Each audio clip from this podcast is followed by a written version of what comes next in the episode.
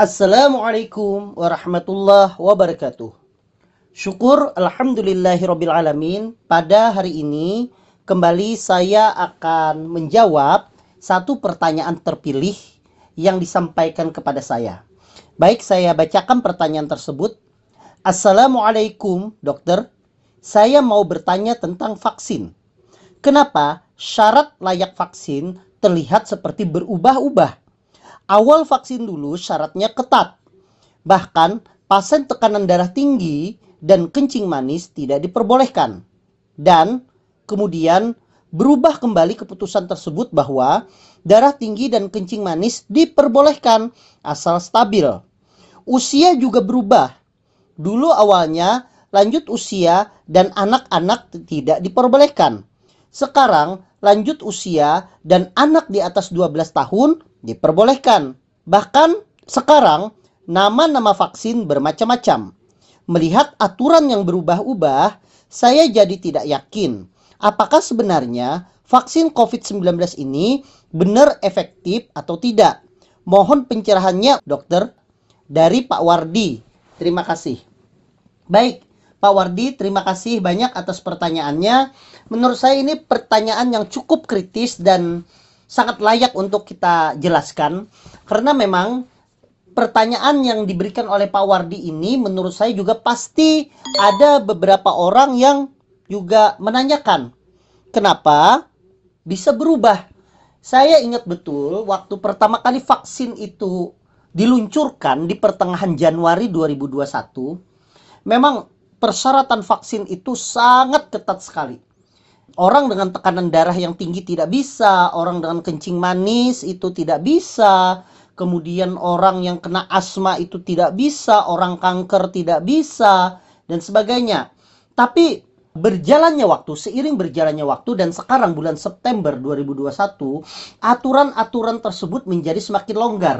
Bahkan orang dengan tekanan darah yang stabil, kemudian gula darah yang stabil, kemudian orang kanker yang stabil, kemudian orang yang apa lagi ya namanya orang dengan asma yang mungkin stabil, tidak ada serangan asma itu sekarang diperbolehkan untuk diberikan vaksin. Dan itu tentunya akan menimbulkan pertanyaan bagi orang lain.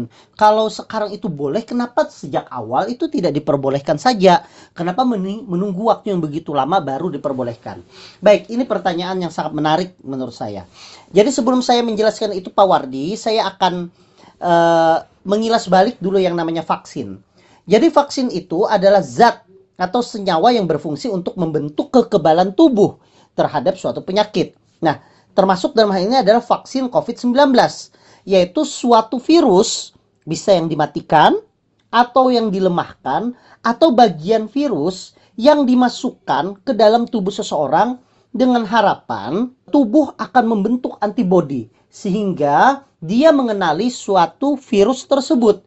Sehingga kalau seandainya ada virus yang betulan masuk, antibodi sudah siap sehingga virus tidak sempat berkembang biak, dia sudah dibunuh.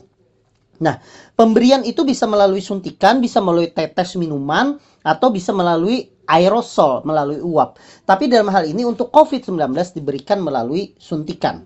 Nah, kemudian kenapa penting sekali untuk diberikan vaksinasi? Karena kita ketahui bersama bahwa COVID-19 ini sangat ganas. Kenapa sangat ganas? Karena penularan yang sangat cepat dan kematian yang sangat banyak akibat dari COVID-19. Sehingga kalau seandainya vaksin itu tidak segera dilakukan, maka yang terjadi adalah tentunya penyebaran semakin banyak dan kematian pun juga akan semakin banyak dan ini tentunya tidak diinginkan bukan hanya di Indonesia bahkan seluruh warga yang ada di dunia sehingga vaksinasi COVID-19 tentunya adalah hal yang sangat diperlukan dan tentunya ada hal yang tentu harus kita sukseskan tindakan tersebut. Nah, kemudian bagaimana proses pembentukan atau pembuatan vaksin. Ini penting saya bahas karena sebelum saya menjawab, eh, saya harus memastikan bahwa orang itu paham bahwa proses pembentukan vaksin itu tidak sesederhana seperti yang kita bayangkan selama ini. Jadi, sebelum vaksin itu terbentuk, orang harus melakukan kultur dulu, harus meneliti dulu virus yang menyebabkan seseorang itu menjadi sakit. Misalnya dalam hal ini adalah virus COVID-19 virus COVID-19 itu namanya adalah SARS-CoV-2. Nah, virus itu diteliti oleh para ilmuwan, para saintis di laboratorium dan membutuhkan waktu yang lama sebenarnya. Tetapi dengan meningkatnya kepesatan dari teknologi yang sekarang ini, alhamdulillah cepat dalam mengisolasi dari virus tersebut. Nah, virus tersebut akhirnya diambil intisarinya dan dibuat suatu uh, prototipe vaksin, yaitu suatu contoh, suatu barang awal untuk cikal bakal terbentuknya vaksin. Nah, prototipe itu baru dilakukan suatu namanya klinis, studi klinis. Yang pertama adalah studi praklinis. Studi praklinis itu dilakukan dengan memberikan vaksin ke hewan percobaan untuk mengetahui efektivitas dan keamanannya. Apa saja hewannya yang biasa dilakukan oleh para, para ilmuwan, hewannya tersebut antara lain adalah mencit atau tikus. Kemudian yang kedua bisa kelinci atau bisa menggunakan monyet. Itu yang paling sering digunakan. Kenapa dia digunakan? Agar kalau seandainya dalam melakukan percobaan itu kemudian ternyata profil keamanannya tidak bagus, misalnya setelah disuntik ternyata dalam satu atau dua hari kemudian hewan cobanya meninggal, maka tentunya kita sudah menyetop produksi tersebut, artinya tidak bisa dilanjutkan. Kalau seandainya ini dilakukan terhadap langsung manusia, tentunya ini adalah tindakan yang kurang bermoral. Nah, kemudian kalau seandainya ternyata setelah disuntik hewan tersebut baik-baik saja, kemudian dilakukan tes di darah, kemudian didapatkan ternyata hasilnya itu terbentuk antibodi terhadap dari virus tersebut, maka percobaan tersebut, studi tersebut di, dinaikkan lagi tingkatannya menjadi yang namanya uji klinis fase pertama. Nah, uji klinis fase pertama itu adalah vaksin yang sudah tadi lewat lolos dari uji praklinis diberikan kepada orang dewasa tapi jumlahnya tidak banyak, hanya mungkin sekitar uh, beberapa orang saja, di mana orang tersebut sehat. Kemudian disuntikan vaksin tersebut. Misalnya dalam ini ada vaksin COVID-19. Tujuannya untuk apa? Tujuannya yang pertama untuk melihat bagaimana responnya pada manusia. Apakah dia terbentuk antibodi atau tidak terbentuk antibodi. Kemudian yang kedua adalah untuk memastikan bahwa dia aman Aman itu artinya setelah disuntik orangnya tetap sehat saja, tidak terjadi komplikasi. Apa saja komplikasinya? Mungkin yang paling ringan misalnya komplikasinya adalah bisa mual, muntah, demam dan sebagainya sampai yang paling berat terjadi namanya shock bahkan kematian. Oke, kita lanjutkan. Kalau seandainya ternyata dalam uji tahap satu ini ternyata kadar antibodinya itu terbentuk. Ya, anggaplah ini bagus ya.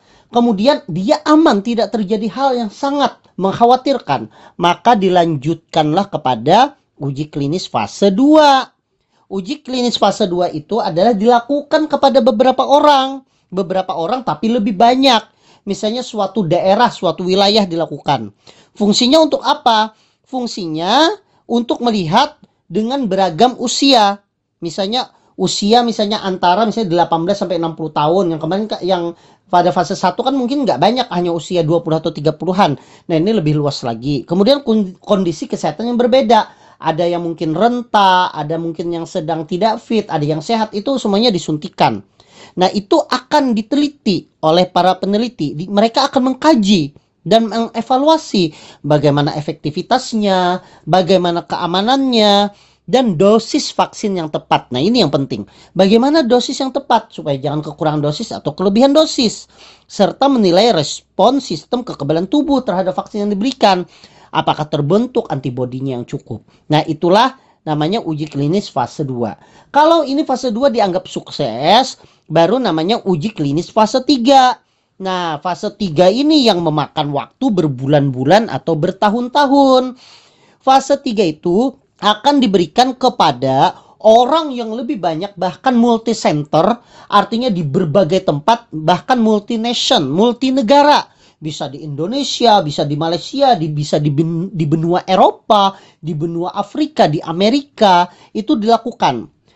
Fungsinya untuk apa? Untuk melihat bagaimana vaksin itu diberikan kepada orang dengan kondisi yang bervariasi, orang dengan ras yang berbeda-beda, orang dengan tempat yang berbeda-beda, orang dengan kebiasaan yang berbeda-beda.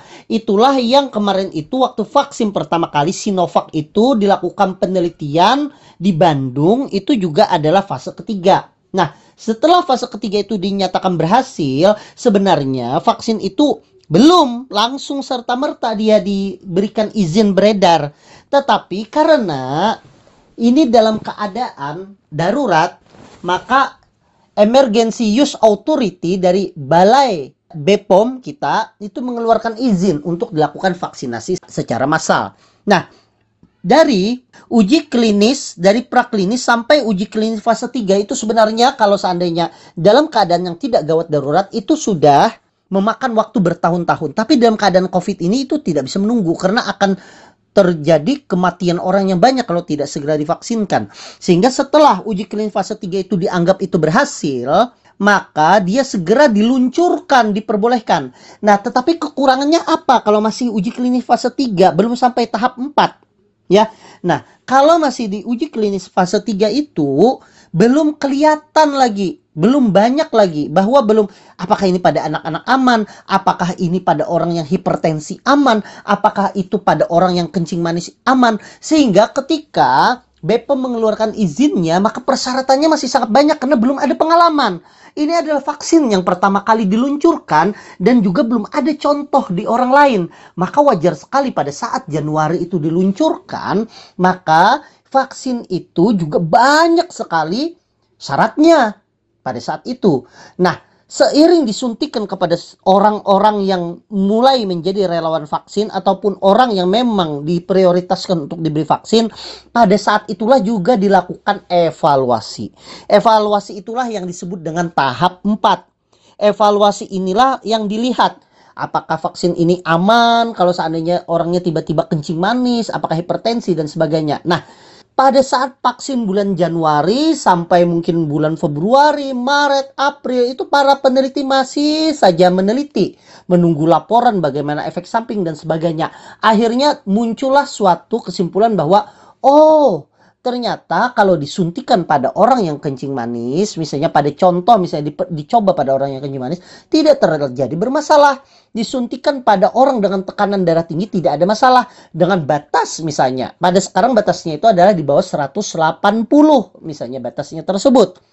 Atau diberikan kepada orang asma yang tenang tidak dalam keadaan serangan aman misalnya. Nah, itulah makanya baru muncul lagi adanya persyaratan. Jadi bukan berubah-ubah, tetapi persyaratan itu mengikuti bagaimana hasil penelitian setelah disuntikan kepada orang-orang yang mendapatkan suntikan tersebut. Maka seolah-olah berubah-ubah. Sehingga muncullah nanti suatu kesimpulan bahwa oh ternyata ini aman, oh ternyata itu aman dan sebagainya. Yang awalnya itu tidak diizinkan. Nah, kalau seandainya dalam keadaan normal, hal tersebut tidak bisa dilaksanakan. Makanya BPOM itu mengeluarkan suatu izin darurat namanya Emergency Use Authority supaya tidak makin merajalela dari vaksin COVID-19 tersebut. Nah, kelemahannya tersebut yaitu tadi akhirnya peraturannya atau kriteria-kriterianya itu makin lama makin berubah dan memang terkesannya itu adalah lebih dilonggarkan. Nah, kemudian kenapa bermacam-macam vaksin? Ya memang bermacam-macam.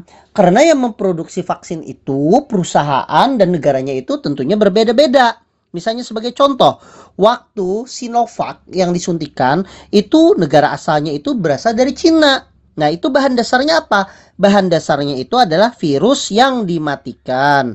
Dan kebetulan memang Cina waktu itu cepat sekali melakukan penelitian sehingga itulah yang pertama kali digunakan di Indonesia, yaitu namanya vaksin Sinovac. Dan memang dia sudah melewati uji klinis fase ketiga dan sudah mendapatkan izin penggunaan darurat oleh BPOM. Ada enggak vaksin lain? Ada. Misalnya Moderna yang sekarang ini lagi banyak digunakan sebagai booster terhadap tenaga medis. Nah, Moderna itu negara asalnya dari Amerika Serikat. Kalau tadi Sinovac bahan dasarnya itu adalah virus yang dimatikan atau inactivated virus, kalau Moderna itu bahan dasarnya itu adalah messenger RNA atau gen gen intisari genetik yang disuntikan kepada orang.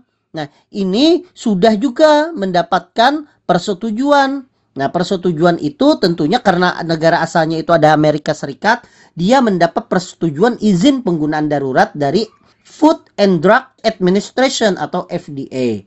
Dan efek sampingnya memang Moderna itu lebih kuat daripada Sinovac.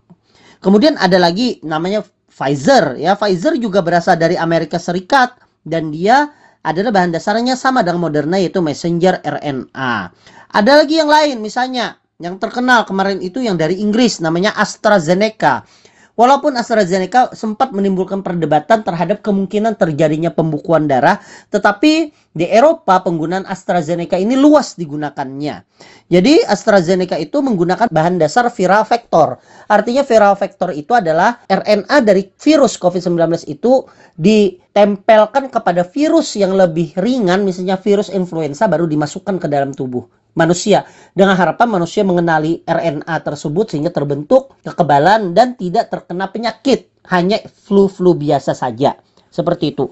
Ada lagi misalnya hmm, yang kita harapkan itu suatu saat ada namanya vaksin merah putih.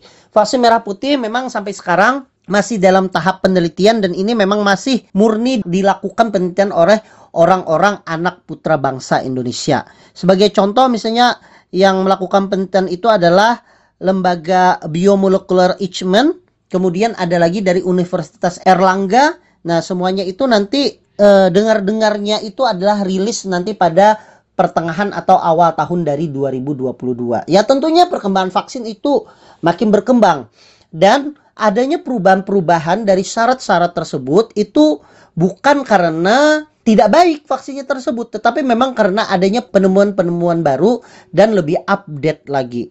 Ya, mudah-mudahan ini bermanfaat ya bagi kita semua dan ini juga saya harapkan bisa memberikan pencerahan tentunya kepada Pak Wardi yang bertanya kepada mungkin orang-orang yang juga punya pertanyaan yang mirip atau serupa.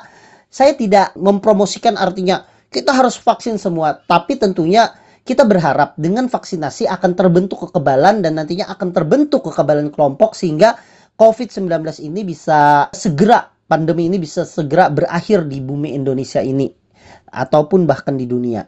Demikian mungkin uh, penjelasan dari kami. Mohon maaf kalau ada salah atau khilaf atau kekurangan dalam penjelasan ini dan ini semoga memberi manfaat bagi kita semua. Saya tutup dengan ucapan wassalamualaikum warahmatullahi wabarakatuh.